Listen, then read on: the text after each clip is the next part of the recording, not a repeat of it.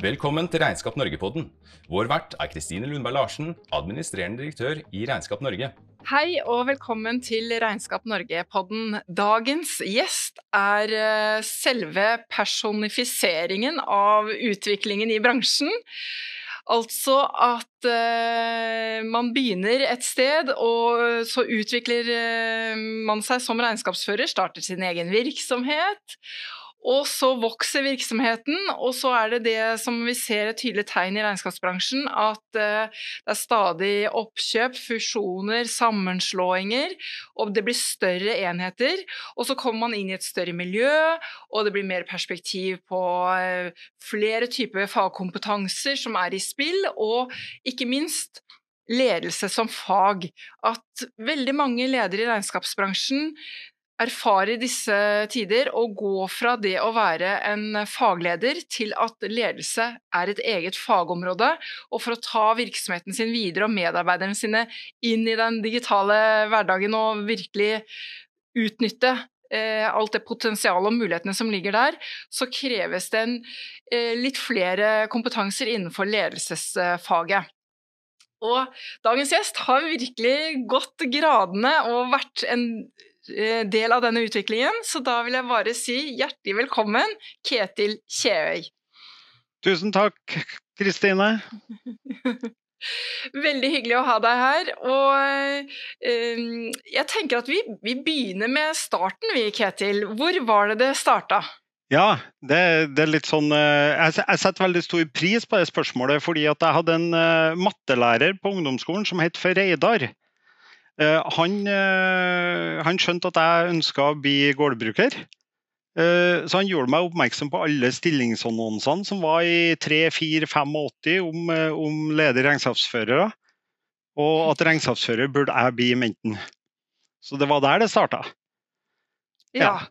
Og, og, da Det, det resonnerte bra hos deg, sånn at da gikk du Du tok handelsgym, da? Ja, Tok handelsgym ja. med regnskapsfaget som praktisk. Uh, slang på et år med noe som kaltes EDB-økonom den gangen.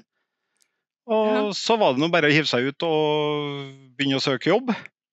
Jeg vet ikke hvor mange de... søknader jeg sendte rundt om uh, i Trøndelag, her, men det var ganske mange. Da. Men uh, det lokale regnskapskontoret fikk, fikk ganske mange telefoner i løpet av et år etter at jeg var ute av militæret. Uh, til slutt så var det en som ble hjertesyk, og da var det bare ei halv uke så var det å starte opp.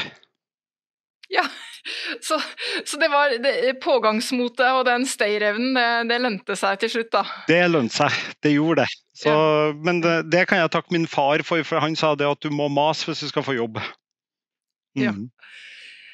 Og det her var jo tidlig 90-tallet, og hvordan var, eh, hvordan var det å bli regnskapsfører da? Det var egentlig ganske greit, for eh, når jeg kom inn på kontoret der, så kikker han eh, nye arbeidsgiveren min, Morten, på meg, og så sier han det at eh, Hei, du er sånn utdanna, du, sier han. Og så, og så sier han at du kan bare glemme det du har lært, for det er nå læringa starter. Ja, det, det, hadde nok et veldig godt poeng i. Ja. Mm -hmm. Da var det å sitte med sortereren og sortere bilag. Det var tror jeg gjorde tre-fire måneder. Satt og sorterte bilag før jeg fikk lov til å begynne å punche litt. Ja, så det var litt sånn Du begynte virkelig på scratch. Ja. det var det. Men, men, men, de hadde en litt sånn snedig funksjon som jeg husker, og den blir jo bare litt for dem som er litt eldre. Men, men eh, kontoplan, da, spesielt på landbrukskunder, eh, den var oppdelt sånn at det gikk an å plassere det inn i sortereren. Eh, eh, sånn at du lærte deg kontoplan samtidig som du sorterte. For vi sorterte etter kontoplan. Ja, nettopp. Ja. Mm -hmm. Og så var det å begynne å punche, for dere hadde datamaskiner? Det hadde dere. Ja, det, det kontoret jeg var på fikk jo midi-maskiner i 1988. Eh, så tre år før jeg begynte der. Og så fikk vi, det året jeg begynte, så fikk vi en PC. Og jeg hadde jo lært Excel, eller det het jo ikke Excel den gangen, men regneark. da. Eh, så jeg fikk lov til å ganske tidlig begynne å lage en del rapporter og sånne ting som vi laga i, i, regneark. Da. Det syns jeg var kjempeartig, for da fikk jeg noe jeg var litt uh, frampå på. Og så var det all den punchinga som, uh, som måtte gjøre i tillegg. Og da var det, hvis du skulle gi en sånn rapport til kunden, så var det jo da å lagre på diskett, da, eller også ta med seg disketten? Uh, det var det. Ta med seg Ja. disketten, eller du printa det ut da på en printer. De hadde ganske moderne printer den gangen som skrev på A4-ark, men, uh, men uh, det var det. Det jeg, det jeg husker mest, var f.eks. hvis du skulle ta ut en resultatrapport og en balanserapport, og du bestilte det på den minimaskinen, så tok det 1 time og 18 minutter å få ut den rapporten. Men, men, da kunne du jo da eh, etterpå sende det på telefax, da, eventuelt? Ja, du kunne sende det på telefax. Ja, det var ikke noe mye e-post den gangen. Nei, det var ikke det. Nei.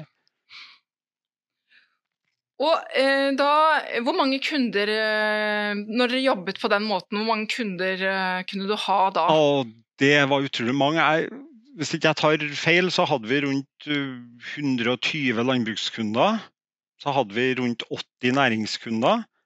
Vi var tre stykker. Og, og mm. hovedsakelig så Alt av landbrukskunder punsja jeg de, de seks årene jeg jobba der. da. Det, det, gjorde det. Så, så, det var veldig mye, men jeg fikk veldig fin blanding. Da. Det var landbruk, fiske, det var butikker, det var industri, det var verksted. Ja, det var noe alt som var på den lille plassen Flatanger som jeg vokste opp i. da forholdsvis fin kommune, da, må jeg nå tilføye, men uh, sterke, sterke, røtter dit.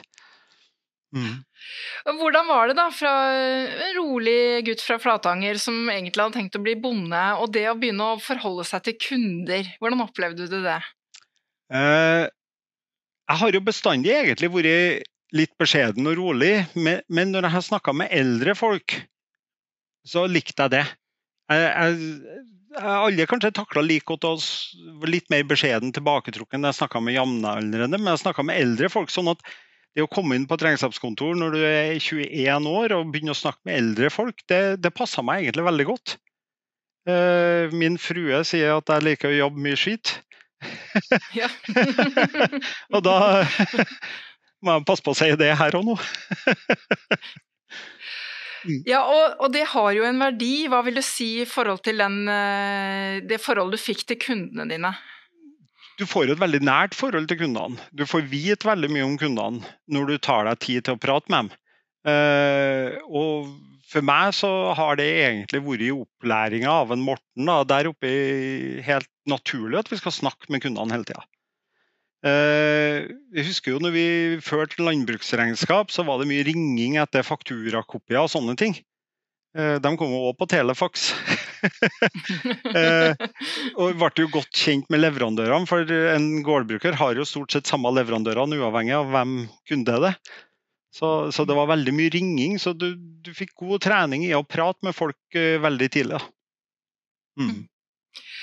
Mm. Og er det, hvordan tenker du nå når alt går digitalt, eh, for da blir det ikke like naturlig kanskje at man har den daglige eller ukentlige kontakten? Nei, det er jo én ting, men så er det jo greit nok med oss på vår alder som er vant til det. Eh, men den nye generasjonen eh, Jeg har jo noen unger sjøl, og, og, de tekster jo. De snakker jo ikke sammen, de bare tekster. og det er klart Vi har en opplæringsjobb da, når de kommer ut i virket da, i bransjen. Og lærer seg til det å kommunisere. Eh, men jeg føler jo egentlig at kommunikasjon er bedre nå med gjennomsnitt større antall kunder enn det var tidligere, fordi at eh, vi har mer løpende regnskap oppdatert. Det krever mer samhandling med kundene. Mm -hmm. Ja, for du har jo hele tiden vært, eh, sånn som jeg oppfatter det, tidlig ute med å ta i bruk eh, nye løsninger og teknologi og utnytte de mulighetene som ligger der. Fra du startet jo da Kjeø regnskap i, i tidlig 2000-tallet. Kan ikke du fortelle litt om hvordan eh, du tenkte da når du skulle starte ditt eget? Oi, hva skal jeg tenke da, ja. Um det handler om relasjoner. Jeg, jeg jeg var jo så heldig at jeg fikk tak i meg en liten kundeportefølje som innebar en 30-40 %-stilling for meg. Uh, og, og, og, det uh, viste seg at den kundeporteføljen var ikke veldig à jour. Nei. Så det ble en ganske bra jobb allikevel da når jeg starta opp 1. mai eh, for å få ferdig alle årsregnskap og sånne ting. og Det betyr at jeg måtte være veldig mye tett i kontakt med kundene. Eh, Skafteveis alt som mangla. Vi ble vel ferdig innen utgangen av juni med, med alle regnskapene. Det var jo bare meg. Eh, Men det ble såpass mye arbeid, jeg snakka med så mye kunder og gjorde såpass god jobb at det fort kom ganske mange nye henvendelser. For de snakka jo veldig varmt om meg, de her kundene. Sånn at det, det gikk, eh, gikk bare 40 dager, så ansatte jeg en dame i 50% stilling. I tillegg til meg sjøl, hvis jeg skulle rekke å komme gjennom alt. Ja, det var jo en rask eh, utvikling, vil jeg si. Ja, det gikk veldig fort. Jeg hadde ikke sett den sjøl. Jeg hadde jo, hadde jo en målsetting selvfølgelig om å bygge opp et lite kontor, og sånne ting, men jeg regna jo med kanskje at et par første årene måtte jeg jobbe alene. Men fikk veldig god respons. og Jeg har jo litt å takke for at den kundeporteføljen ikke var så à jour som den burde ha vært. Eh, og Det gjorde jo at det ble, eh, ble tett dialog med kundene, og kundene ble veldig fornøyd. Og ja, det kom raskt nye kunder. Ja, da tenker jeg at eh, du har vel veldig så mye å takke hvordan du angrep den utfordringen. det, det er jo klart det er Jeg har jo blitt lært opp til det helt fra start av at, at vi gjør en ordentlig jobb på kundene. Vi går ikke hjem klokka tre hvis vi ser at vi kan bli ferdig til klokka fem. Eh, Mm. Akkurat den der eh, biten der å gjøre ferdig og få levert til kunden, og få levert kanskje litt mer enn kunden forventer, eh, det skaper gode relasjoner, bare det. Det trenger ikke å være Mm. bare kommunikasjon som skaper relasjoner, men den praktiske måten du er på, måten du gjør ting på. Ja. Mm. Da kan du nå heller sove ut på en par timer morgenen etter. Ja, ikke Ja. sant? Ja, og det, det handler jo om å møte forventningene der, og helst levere litt over. Ja. Det er det. Og så er vi jo, vi er jo deres nærmeste hjelper. hjelper og, og vi må strekke oss litt ting kanskje når det haster, så må vi gjøre det. det. Dagligdags skal vi ta ting i rutiner og system og sånn som det skal være, men hvis det oppstår ekstraordinære situasjoner, så må vi være, være en hjelper for dem. Mm. Og det er jo en balansegang, det der. eh, Hvordan man har laget eh, gode rutiner sånn at det blir en effektiv drift. Sånn at ikke alt blir sånn brannslukking hele tiden, men samtidig ha kapasitet til å ta unna det som når det kommer hastesaker. Ja. Ja, det er veldig viktig akkurat dere å ha litt ledig kapasitet, sånn at du har mulighet til å ta unna ting. For, for hvis du skaper relasjoner og du skaper kommunikasjon med kunden, og god, sånn at kunden ringer deg hver gang det er et eller annet, så må du ha kapasitet til å ta det unna. Hvis ikke så slutter jo kunden å ringe deg. Mm. Men Hvordan sikrer du det da? Hvordan lager du rutiner og sånn for at dere skal ha eh, kapasitet? Eh, det har ikke vært like enkelt, da. Eh, men i Kjeu regnskap har det nok vært meg pluss en tre-fire støttespillere underveis opp igjennom som, som har vært villige til å ta noen ekstra tak når sånne perioder har kommet. Og så har vi jo måttet på høsten fylt på med folk. Eh, vi trodde vi har sikra oss det neste året at vi skal klare å ha nok kapasitet, og så skjer nok det samme om og om igjen litt. og når en virksomhet vokser, så, så, så får du noen voksesmerter, og det blir noen lange dager. Eh, jeg har nok noen arbeidstimer, spesielt de ti første årene. Det, ja. Og hvordan utviklet det seg? Du, eh, etter en drøy måned så ansatte du første person i en halv stilling, og så hvordan gikk veien videre? Nei, da gikk det en måned til, så, så ansatte jeg en person til i halvstilling, og det var min frue. Mm. Da satt vi tre stykker inn på ett cellekontor, som er beregna for én person. Eh, Sånn at eh, når begge dem var på jobb samtidig, så måtte jeg veldig ofte heller dra ut i kundemøter. Måtte jeg gjøre. Og så hadde jeg et lite møterom jeg kunne ha tilgang på, som jeg kunne låne. da. Eh, Men de fant ut at det var trangt, sånn at eh, bare etter fire måneders drift så leide vi et lokale på 120 kvadrat eller noe sånt. Og så leid, fremleide vi til et eh, annet regnskapskontor. Og første heltidsstillinga kom åtte måneder etter. Så da var vi tre årsverk etter åtte måneder. Ja. Og så utviklet det seg til eh, Hvor mange Nei, var dere da i 2020? 2020 var vi 21 ansatte. Ja. Ja, og en samla omsetning på 26 millioner. Ja. Så du har, eh, og du har gått med overskudd stort sett Ja, jeg har, jeg har gått med overskudd hele veien. For er det sånn, er det sånn Kristine, at du ville ha brukt en økonomisk rådgiver som ikke tjener penger? Nei, nei, det ville jeg ikke gjort. Nei, det er eh, helt sant. Så um, ja. Ja. Og hva- hvis du skal oppsummere disse årene da fra 2002 til 2020, hva er det viktigste du tar med deg av erfaring fra de årene? Jeg skulle ikke si at jeg ikke skulle ha starta igjen. Ja. Nei, Øh, jeg, jeg, jeg må jo få si det at øh, det som har betydd veldig mye for meg her øh, Det er jo det. Jeg er jo i dag firebarnspappa. Har en fantastisk frue som den gangen jeg starta opp i 2002, sa det at hun var villig til å Da hadde vi jo tre barn. Hun var villig til å være mer hjem mot at jeg starta i gang virksomheten, og vi hadde en god deal der. Hun har vært en fantastisk støtteperson. og har jo jobba ved kontoret helt fram til for eh, to-tre år siden. Eh, hun tok et aktivt valg av å ta seg av hus og hjem, mens jeg fikk utfolde meg med regnskap. Det er jeg særdeles takksom for. Eh, I tillegg så har jeg vært en sparringspartner de gangene jeg har hatt noen vanskelige valg.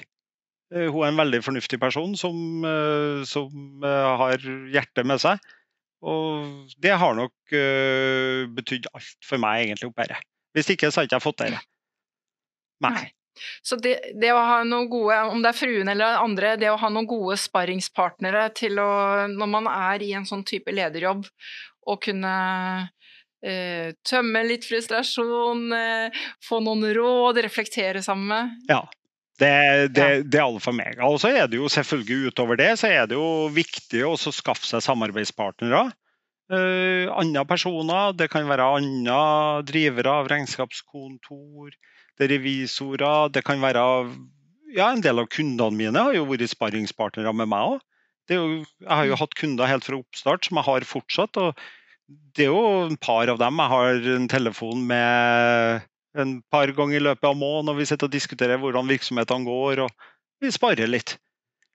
Og få de, Ja, og tro, få de inntrykkene der, og høre litt hva, hvordan grep de gjør, hvilke grep gjør jeg, og så deler vi litt. og ja. Så da har jeg var jeg med og starta opp RFA-gruppa i Trøndelag Sør i 2004-2005. Og det har vært en veldig nyttig gruppe å være en del av. da. mm. Mm. Ja, og det du sier der med både det å bruke bransjekollegaene sine, ikke sant, og det tenker jeg er enda viktigere i dag enn eh, den gangen, fordi at det er så mange som vil inn i å ta en del av kundene, både vi får fra banker og fra systemleverandører, det at man ser at ja, vi er konkurrenter ute i markedet, men vi er, eh, vi er bransjekollegaer, og det kunne være dele på de gode løsningene, spare, coache. Ja, det, det, det betyr mye. Det betyr veldig mye. Eh, og ikke minst, eh, minst, eh, minst det å høre de andre om hvilket system bruker de, hvordan tenker de framover. Det, det å være litt framoverlent. Ikke, ikke være så opptatt av hvordan resultatet ble i fjor, men hvordan tenker vi at resultatet skal bli neste år. Det opptar meg mye, da. Ja. Ja. Og så tenker jeg det du sier med det å ha disse dialogene med kundene dine, jeg kan jo bare tenke meg hvilken verdi det er for kundene. Eh, og der tror jeg mange regnskapsførere undervurderer seg selv, hvor gode de er i den derre å være en støttespiller og en sparringspartner. Og man trenger ikke å ha noe konkret problem man skal snakke med, men bare ha den der dialogen. Kan ikke du si litt mer om det? Jo, det å ha dialogen med kundene er jo for så vidt viktig. Jeg tenkte egentlig jeg skulle ta, ta litt sånn tilbake, For, fordi, fordi det er ikke nødvendigvis så mye kunnskap man trenger for å Nei. gjøre det. For å være en sparringspartner til dagleder. Det er nok at en er til stede og lytter. eh, Stille noen gode spørsmål. eh, Still, still noen spørsmålstegn bak noen ting som, som virksomheten holder på med. Og så er det Altså, eh, vi har jo vært med på alt fra bygd opp selskap, vært veldig tett på selskap opp gjennom de her årene. Vi, vi er med ut og kikker på lokaler når de skal finne nye lokaler til, til virksomheter. Det at jeg er ved siden av daglig leder og er med ham og, og, og stiller spørsmål, og, og, vi kan sammen avklare ting, da føler daglig lederen at han har en, en annen person. For de daglige lederne rundt om de sitter alene. De, har, de er ikke så flinke som oss regnskapsførerne til å ha nettverk. Nei. Og, og det at vi kan være med dem og diskutere, da, da det, gjør det beslutningene deres og avgjørelsene deres enklere. Det gjør det. Og så, så alle sånne ting er helt utrolig. Jeg har vært med på forhandlinger i, i København om å få et nytt lastebilmerke til Norge. Eh, det, jeg har jo ingen peiling om lastebiler, ikke sant? Men, men det å være daglig lederen var bare opptatt av at han ville ha meg med. Sånn at jeg satt og lytta og hørte og kunne stille noen spørsmål underveis, eller fylle på den med noen spørsmål. Mm. Og det er det jeg tror, den der verdien der av å virkelig eh, sette seg inn i å være interessert i kunden sin. Ikke bare at eh, banken er avstemt og momsen er avstemt, men hvordan det faktisk går med kundene. Og at de opplever det engasjementet. Det tenker jeg er en kjempeverdi. Jo, for det, for det vil jo bare være gevinst tilbake til oss igjen. Det. Hvis, hvis vi er litt opptatt av målet til kunden, Altså, hva er, hva er målsettinga til kunden her? Eh, du kan trekke det enda lenger, og så kan du si at det er målsettinga til eieren. For Veldig ofte så er mange av de bedriftene vi holder på med, eid av én eller to bare. Og hva er målsettinga deres? Det er jo veldig greit for meg å vite hvis de har en målsetting at vi skal bygge opp denne virksomheten, vi skal selge om fem år. Da, ja, ikke ja. sant? Ja. Så, så da, kan, da, da vet vi mye enklere hvordan vi skal hjelpe dem på veien. Og det tipper jeg bygger greit med kundelojalitet, og, og, som du sier, at du blir anbefalt? Ja, det gjør det. Absolutt. Og Kjeo regnskap har opp gjennom alle årene vært bygd opp på, bygd opp på 99% av anbefalinger fra andre kunder. Mm. Ja. Mm. Det er det. Og, og, hvor, eh, og, eh, turnover på kundene, er det, er det mange som bytter i løpet av året? Ja, det er jo noen selvfølgelig som slutter av her òg, men, men, tilgangen er jo bestandig større. Eh, ja. Det er jo sånn at eh, verken jeg eller noen av oss andre her er helt feilfri, og vi gjør feil. Eh, men, men, eh, og, men, vi har ganske stor lojalitet. Undersøkelser viser jo det at vi har 95% lojalitet blant kundemassen vår. Eh, og forholdsvis liten Stort sett hvis det er avgang, så, så er det stort sett pga. pris. Ja. Mm. Og mm. priskonkurranse i markedet. Ja. ja. Og du, du, lar deg ikke rive med der og prise deg ned, sånn at det, mm. det blir dårlig lønnsomhet? Nei, altså jeg vil jo ansette de beste folket. Da vil jeg at de mm. skal ha god lønn òg. Og hvis du skal ansette de beste mm. folket, så, så, så, vil de jo ha lønn. Så tar de jo jobb en annen plass, de får bedre betalt. Så litt ja. konkurranse om eh, ansatte er det nok òg i Trondheim. Så lønn er jo en viktig del av det, selv om det ikke er det viktigste. Mm. mm. Og da, eh, gjennom disse årene, så har du eh, fått mye erfaring som eh, leder. Og så eh, meldte du deg på eh, lederoppgjøret, det lederprogrammet til Regnskap Norge, da, i 2020. Ja. ja det... Og hva skjedde? Nei, eh, lederoppgjøret var jo litt involvert med dere. Litt i starten. Ja, du var jo med i den gruppa som var med når vi lagde det. Ja, var med og lagde det. Og sånn så hadde jeg veldig mm. lyst til å ta det sjøl. Fordi at jeg har jo omtrent ingen utdannelse innenfor lederskap. Alt lederskap er jo tilegna. Den mest snedige opplevelsen jeg har hatt med det lederoppgjøret, er egentlig at eh, jeg fikk teori Eh, bak det jeg har gjort, som bekrefter egentlig litt eh, en del ting har jeg gjort rett, i hvert fall. Jeg skal ikke si noe annet, men, men uh, at veldig stor, stor, utbytte av det. spesielt coaching-bit, tilbakemeldingskultur. Ja, jeg kunne ha remsa i vide og berede gruppearbeid som vi hadde på vår, gruppe, vår runde. det sosiale som var. Vi kunne jo være sosiale. Eh, møte andre ledere, diskutere problemstillinger både i, under forelesning, i pauser og på kveldstid. Eh, veldig stor nytte av det. Det fant mye mer ut av egentlig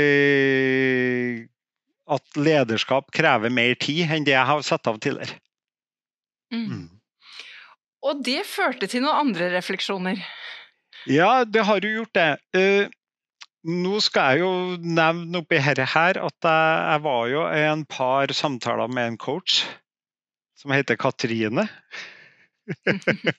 Eh, gjennom de to korte samtalene så fikk jeg litt mer klar hva det er som gir meg energi.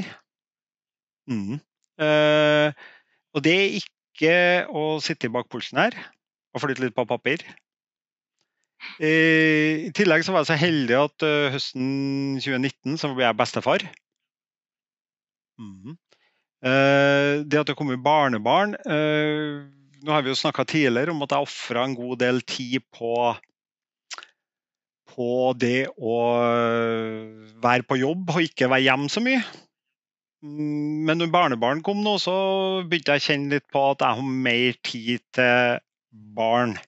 Og jeg har lyst til å ha mer tid til barnebarn. Og så tenker jeg på hele familien da, som eh, ja, har måttet vente på å dra på påskeferie, vente på sommerferie. Uh, jeg har venta på meg alle gangene. Sittet hjemme og venta eller vært rundt og venta. Jeg kjente nok litt på den at jeg hadde lyst til å gjøre noe med, med situasjonen min. Eh, samtidig som, som at jeg var kjent at eh, jeg har lyst på nye oppgaver. Eh, har jo tidligere hatt en del beleirere som har vært rundt og ønska å kjøpe oss. Men jeg har vært egentlig ganske bestemt hele veien eh, på at jeg ikke skulle selge. Det var ikke aktuelt. Eh, jeg har lovt de ansatte her at jeg skal holde på til jeg er 70. Eh, Men lederoppgjøret, litt refleksjoner, alt dette her gjorde at det, det kanskje Situasjonen har endra seg veldig i forhold til det bare var for noen måneder siden. Eh, Så plutselig en dag så dukka eh, Arne Nypan fra Sparebank1 Regnskapshuset opp. Eh, Vi hadde en kjempeinteressant samtale. Vi var ikke noe konkret, og han ønska bare å lære litt om bransjen. To måneder senere så ringer han meg, og så kaller han meg inn på kontoret, og så Vops, så var det gjort. Så var Kjeu regnskap eh, ja, inngått avtale med Sparebank1 Regnskapshuset om overdragelse. Så blir vi en del av Regnskapshuset nå fra 1.4.2021. Han var heldig med timingen, han der. Han var veldig heldig med timinga. Det var han. Ja. og, og nå eh, Hvordan tok de ansatte det, den beskjeden? Uh, nei, det, det er jo en liten Det er jo en litt sjokk. De ansatte. Veldig fin gjeng. Eh, Jeg har jo folk som har jobba her eh, både 18 og 15 og 11 og 10 år, og det er ganske mange som har begynt å jobbe her over 7-8 år. Så, så en veldig fin gjeng. En helt fantastisk gjeng eh, som har mye av eh, æren for at vi er der vi er i dag. Eh, og de har jo stolt på meg. Og så får de plutselig en sånn beskjed, så, så skjønner jeg jo det at det blir et lite sjokk. Mm. Eh, Så handler det om å snakke med dem. La dem få tid sjøl til å snakke seg imellom. Eh, Så handler det om å gi dem et bilde på hvordan ting kommer til å skje framover. Eh, Og så er det jo bare å levere det du har lovt, da, videre. Eh, Så det virker å gå veldig bra. Veldig flott gjeng. Sitter her, veldig fornøyd. Uh, og tror uh, nå har det snudd, da når vi kom tilbake etter juleferie og, og sånne ting, så snudde det til litt optimisme. da. Og Nå begynner de å glede seg litt. En del har allerede før vi kom inn i Regnskapshuset begynt å, å benytte seg av en del av de fellesfunksjonene. Og den flotte f.eks. fagstaben eller digitale tjenester de har. Eh, Det sitter jo folk med mye mer kompetanse enn vi har hatt, som vi har henta eksternt fra før, som vi nå kan hente internt framover. Mm. Og det Og det Mm. Ja, og jeg tenker eh, i lederoppgjøret så snakker vi jo en del om det å lede i endring. Og nå fikk jo du testa det egentlig med en gang, da. Og den endringskurven, ikke sant, fra først, som alle er igjennom når, eh, når det kommer sånne store endringer i livet, enten det er på jobb eller privat, da, med at eh, første fase med sånn sjokk og vantro, og så har du litt mer sånn Noen eh, blir sinte, noen har sorg, noen blir litt sånn apatiske, og så har du en sånn bearbeidingsfase hvor man venner seg til det nye. Og så er det den nyorienteringen når man liksom er igjennom den der dumpa der. Da. Kan du si litt hvordan For det her regner jeg med at du fikk oppleve i praksis, da. Ja, jeg gjorde det, men, men, men samtidig så er jeg veldig overraska over hvor bra det var, var tatt. da. Eh, og så er det jo noen selvfølgelig som trengte lengre tid. Noen var på plass etter noen dager. Eh, men, men, det var ikke noe sånn eh, jeg, jeg, jeg, fikk ikke noe mye utfordringer. Jeg fikk jo noen spørsmål. Men de hadde mye mer behov for å være en samla gjeng. De, her så liker de å kalle seg familien. Eh, sånn at de hadde mye mer behov for å støtte fra hverandre enn fra meg, egentlig. Eh, og det fungerte veldig fint. Eh, og så er det jo sånn at Vi har jo i 2021 gjort noen endringer nå. Og det er jo det, er jo det at uh, det er to nye ledere inn, altså av den staben som har vært. Eh, så har vi delt opp litt, så vi har en administrativ leder og en regnskapsleder. Så sitter jeg som daglig leder ut 2021. Men jeg blir jo omtrent ribba for arbeidsoppgaver. Eh, mm. Men fire uker siden nå, de fikk beskjed om eh, regnskapsleder, administrativ leder. Og jeg kan si på to dager så var det sånn. Så begynte ansatte å gå til dem. Det var mennesker de kjente godt, som de stolte var trygge på. Og det har gått helt uh, smertefritt. Jeg prøver bare å holde meg litt i bakgrunnen, da. selv om jeg ikke klarer det helt bestandig. Mm. Ja.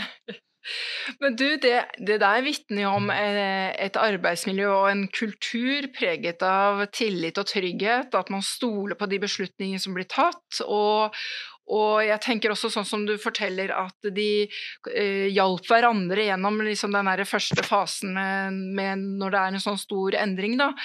Eh, eh, for der kan man jo som medarbeider, enten sånn når den ene er i ferd med å skal grave seg ned, så kan man ta spaden og grave seg ned sammen. Eller man kan velge å hive ned taustigen og så dra opp kollegaen sin. ikke sant? Og det, det der handler om kultur, tenker jeg. Det handler veldig mye om kultur, det gjør det. I tillegg så skal jeg jo si at vi har jobba veldig mye med utvikling de siste tre-fire årene. Vi har snakka mye om fremtida i fellesskap her ved kontoret. Vi har kikka inn i loopen. Og så helt klart at i min verden i hvert fall, så, så ser jeg det at den teknologiske utviklinga går så fort framover nå. Så at jeg kikka litt inn i min lupe, som er en sånn tre til femårsperspektiv, så, så ser jeg at vi har behov for mye tyngre tjenester som vi skal levere til kundene. Mye mer fagkompetanse. Og, og eh, jeg, i hvert fall sånn, jeg begynte å bli litt kanskje usikker på om når vi dit vi ønsker med KI-regnskap. Ikke sant? Mm. Og, og, det letta litt prosessen. Og det har vi snakka litt sammen med om ansatte. Ja. Og spesielt det at de har større fagkompetanse de kan spille på. Og de kan tilby kundene mer og kanskje et bredere spekter av tjenester. For Hvis vi skal komme ordentlig inn på kundene, så må vi kanskje ha et bredere spekter av tjenester. Det er det som skal skille i hvert fall Nå var vi et selskap med 21 ansatte, og i Trondheim så, så er vi noe forholdsvis stor vært allikevel. Men allikevel så har vi ikke det brede spekteret med, med, kompetanse. Så jeg tror det krever mye kompetanse. Og kultur, ja, det, kultur er noe du bygger opp gjennom mange år. Det er det. Eh, altså, du må jo tenke sjøl hvordan du vil bli behandla som menneske. Og så, og så, må du selvfølgelig stille noen krav. Eh, og så må du gi litt, og så må du bygge samhold. Altså litt sosiale aktiviteter, litt, eh, litt muligheter for å gjøre ting. Fleksibilitet, tillit. Ikke sant?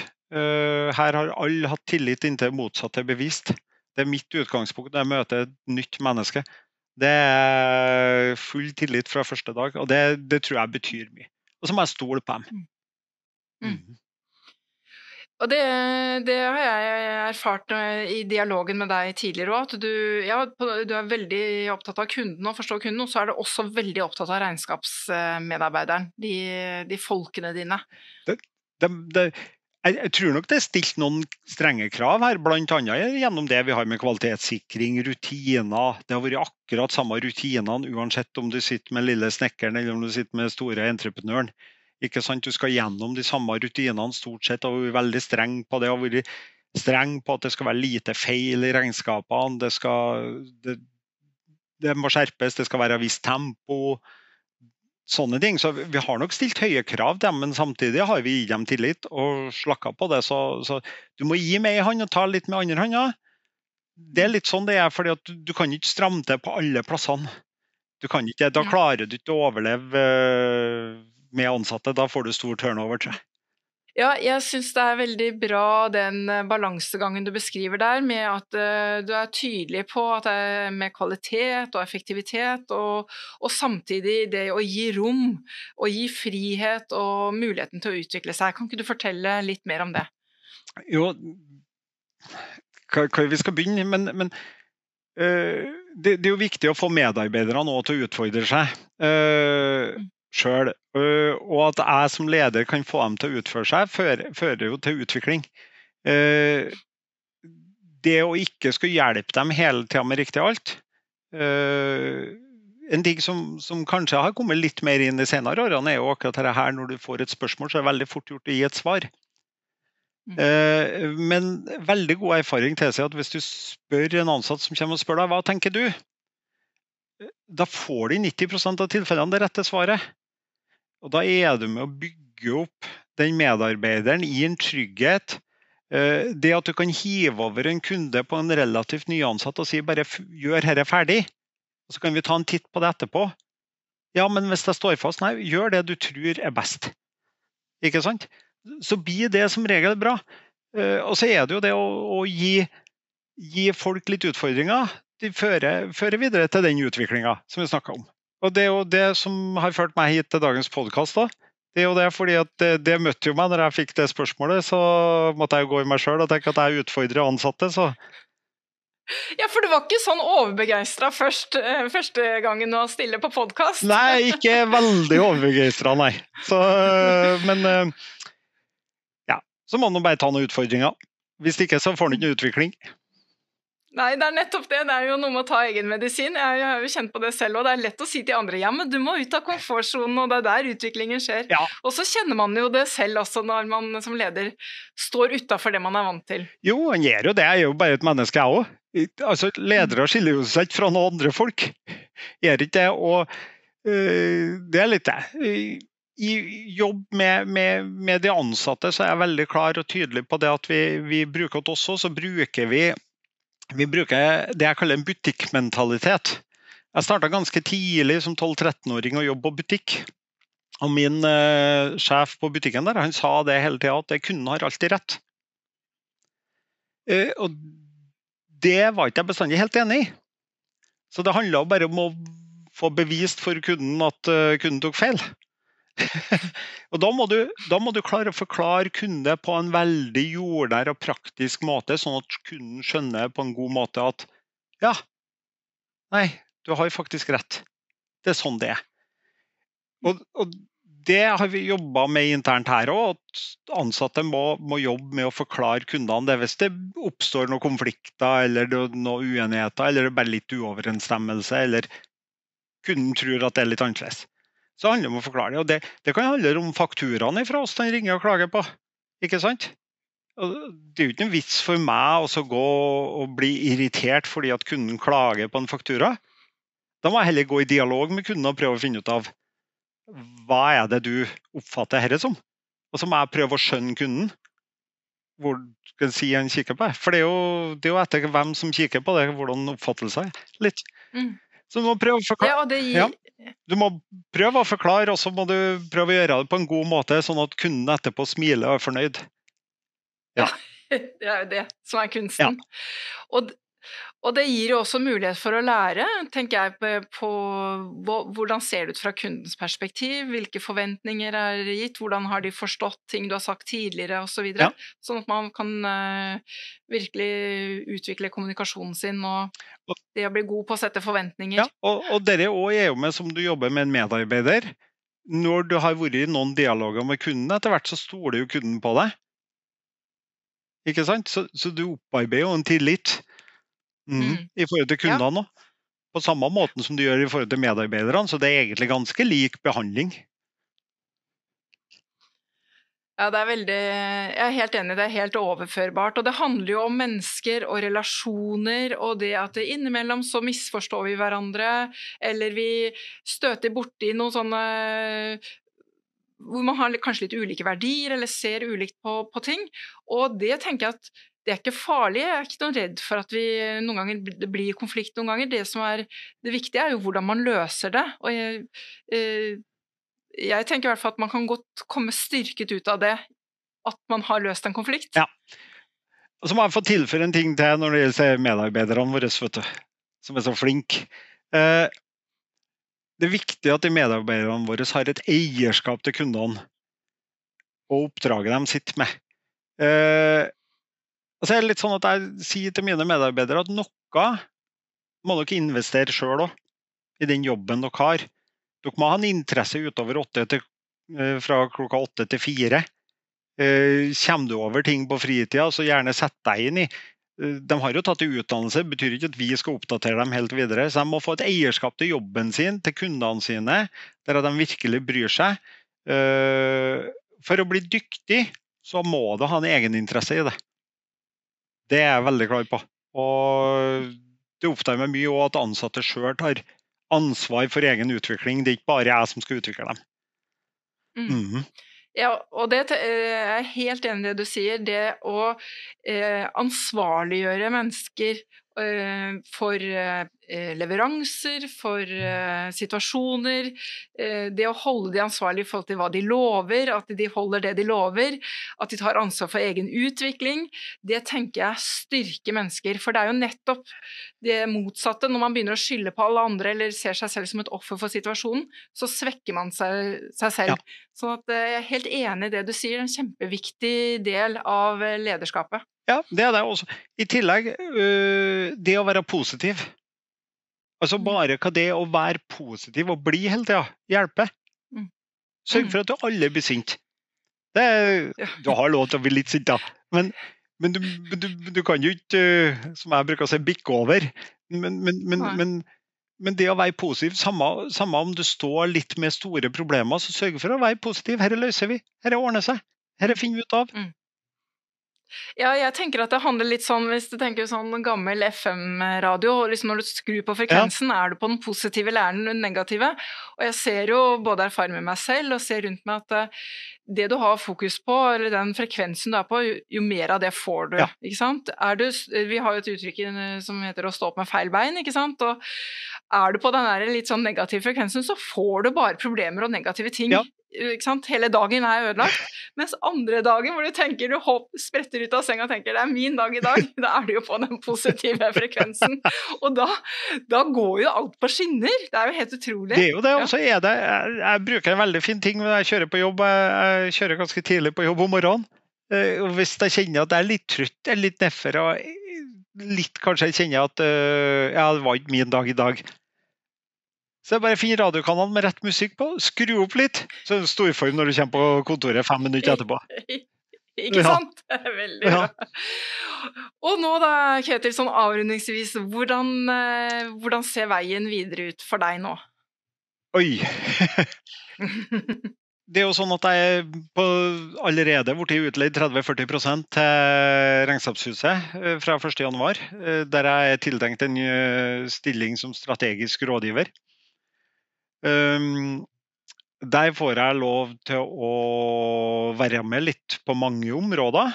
Det, men det er litt uvant da, gå fra 20 medarbeidere til 530 medarbeidere. Det blir, blir litt overgang. Uh, men jeg får jo lov til å involvere meg på ganske mange områder her. Uh, som rådgiver så vil jeg nok få litt mer konkrete oppgaver etter hvert nå, når jeg blir fast ansatt i Regnskapshuset fra 1.4. Eh, men det, det å komme inn i det store miljøet, få tilgang på den kompetansen Jeg, er jo en praktiker som er vant til å jobbe med kundene. Jeg òg jobba som leder da, i 21 år, men, men, men, eh, jeg liker jo det praktiske og løse det. Og så tror jeg at jeg kan ta med meg en del praktisk inn eh, til ledelsesområdet. Jeg kan være et bindeledd ut mot eh, kontorene og avdelingene. Eh, få lov til å jobbe litt eh, litt med de tankene framover. Uh, hjelpe dem å se litt i loopen. Uh, ja, det, det, er mye som skjer. Det er mye, mye som skjer i bransjen med digitalisering. Det er kunderelasjonene som teller. Det å få til enda bedre relasjoner, få til tettere oppfølging av kundene. Velge de riktige systemene. Og så går vi jo mot et mye mer sjølbetjent system. Altså, før så gikk vi jo med giroen i banken og leverte, og fikk den behandla der. Nå, nå, er vi jo ikke i kontakt med banken i hele tatt, vi gjør jo alt via nettbank. Og jeg tror nok regnskapsbransjen ja, Om ikke om fem år, så er vi nok der om ti år til at det er veldig mye sjølbetjent. Mm. Skal vi leve i kontoutskrift hver måned? Ja, og hva da, ikke sant? Hva, hva ser du da liksom eh, ti, Si ti år frem i tid, hva tror du da? Hvordan skal vi hvordan eh, kommer vi til å bruke fagkompetansen vår da? Ja, da får vi jo virkelig brukt fagkompetansen vår. Da får vi brukt utdannelser. Vi slipper å sorte bilag, slipper å sitte og punche bilag. Jeg er ganske sikker på at vi slipper å sitte og avstemme. Vi trenger nødvendigvis ikke å rapportere engang heller. Nei. Vi skal rett og slett hjelpe kundene våre med å gjøre rette taktiske grepene. Øke omsetninga, få ned kostnadene, få en større bunnlinje, gjør de taktiske grepene. Og så tror jeg at vi trenger flere bedriftsstrategiske rådgivere. Det gjør vi i bransjen. Mm. Ja, og da tenker jeg at Eh, det å ha en eh, bakgrunn som eh, regnskapsfører og autorisert regnskapsfører er et kjempefundament til å kunne ha en spennende karriere i, mange ulike retninger. ikke sant? Det, som du sier, ene er sånn fagekspert, og, og, virkelig, og i et stort miljø så kan man jo få mulighet til å utvikle seg i den retningen. Eller som du sier, mer konsulent, bedriftsrådgiver, ta, og være økonomisjef hos kunden sin, kontroller eller den veien du har gått, uh, utvikle seg som leder. Ja. Uh, og så kommer jo det med bærekraftsrapportering også som en helt ny grein, ikke sant. Man, men hele tiden så står vi jo på dette grunnfjellet som er fagkompetansen vår. Ja, du gjør det. Og litt artig du nevnte det med bærekraft, for det var litt sånn diskusjon her i morges. Eh, for, fordi at eh, Regnskapshuset regner ut CO2-forbruket sitt for 2020. og det er, jo, det er, jo, naturligvis litt lavere enn det var for 2019, i og med at det var mindre reising og sånne ting. Men, mm. Men det er klart det, det, blir en ganske stor jobb som kommer til å komme inn på regnskapsførerne. Få lov til å delta i det. Kanskje vi skal sertifisere oss litt mer innenfor de områdene. Ikke sant? Sånn at vi kan gi gode råd innenfor uh, Skal vi kjøpe dieselbil, eller skal vi kjøpe elbil, for å gjøre det enkelt? da? Ja. Mm. Eh, skal vi få fjerna papirforbruket vårt? Hvordan gjør vi det på enklest måte? Jeg tror vi regnskapsførerne sitter med utrolig mye kompetanse. Og spesielt gjennom den digitaliseringa vi har vært gjennom, så, så, så, sitter vi med så mye kompetanse og så mye ting vi kan være med på. Og så har vi litt ledig tid etter hvert. Mm. Ja, og det er det jeg tenker. Det, det der å bruke det, den kompetansen vi kan på det å samle data, strukturere, dokumentere og rapportere. Det å kunne gjøre det på flere områder. Da. Ja. Og vi vil helt sikkert jobbe mye mer for dem som er mest strukturert og mest jobber sånn. Få lov til, lov til å leke seg mye mer med tall, lage analyser. Øh, komme fram til resultater basert på det. Øh, kanskje mer bransjesammenligninger. Ja. Og så tror jeg vi kommer til å jobbe mye med budsjett. Jeg er ganske sikker på at budsjett kommer til å komme tilbake. Selv om vi ser en del som har kutta budsjett, så tror jeg budsjett kommer til å komme tilbake som enda viktigere. Planlegging for hva som skal skje. Ikke det neste året nødvendigvis, men neste uka, neste 14 dagene, neste to månedene. Mm. Ja, og er det noe vi har lært gjennom det siste året, så er det vel nettopp det å kunne ha noen reserver. Ha god nok likviditet. ja, det er det. Så kanskje, kanskje så blir det en permanent ny note ikke sant, som heter for uh, pandeminoten. Hvordan er du forberedt for en eventuell pandemi? Mm -hmm. ja. Ikke sant? Ja. Uh, og har du reserver, har du buffer, ikke sant? Ja. Det, mm. det, er jeg ganske sikker på. Og har du ikke minst krisekatastrofeplaner, kriseplaner for hva hvis sånne mm. ting skjer? Hvor fort kan du klare å snu dem? -hmm. Ja, og der har eh, vi som eh, bedriftenes nærmeste rådgiver mye å bidra med, tenker jeg. Ja, der har vi mye å bidra med. Så det er bare å kjøre på. Og holde kommunikasjon opp med kundene deres, og lær kundene deres å kjenne. Det er det det handler om. Ja. Vet du hva, det, det var så bra oppsummering, Ketil, så jeg tenker at det blir eh, avrundingen på samtalen vår. Fokus på kunden, lære deg å kjenne kunden og vær den støttespilleren de gjerne vil ha i regnskapsføreren sin. Ja, Så må vi bruke et godt gammeldags uh, uttrykk videre. Fortsatt godt årsoppgjør. Ja, det kan vi ha med oss. Tusen takk for en veldig hyggelig samtale, Ketil, og masse lykke til på en ny og spennende vei fremover. Takk likeens, Kristine. Ha det bra. Takk. Ha det Ha bra. det.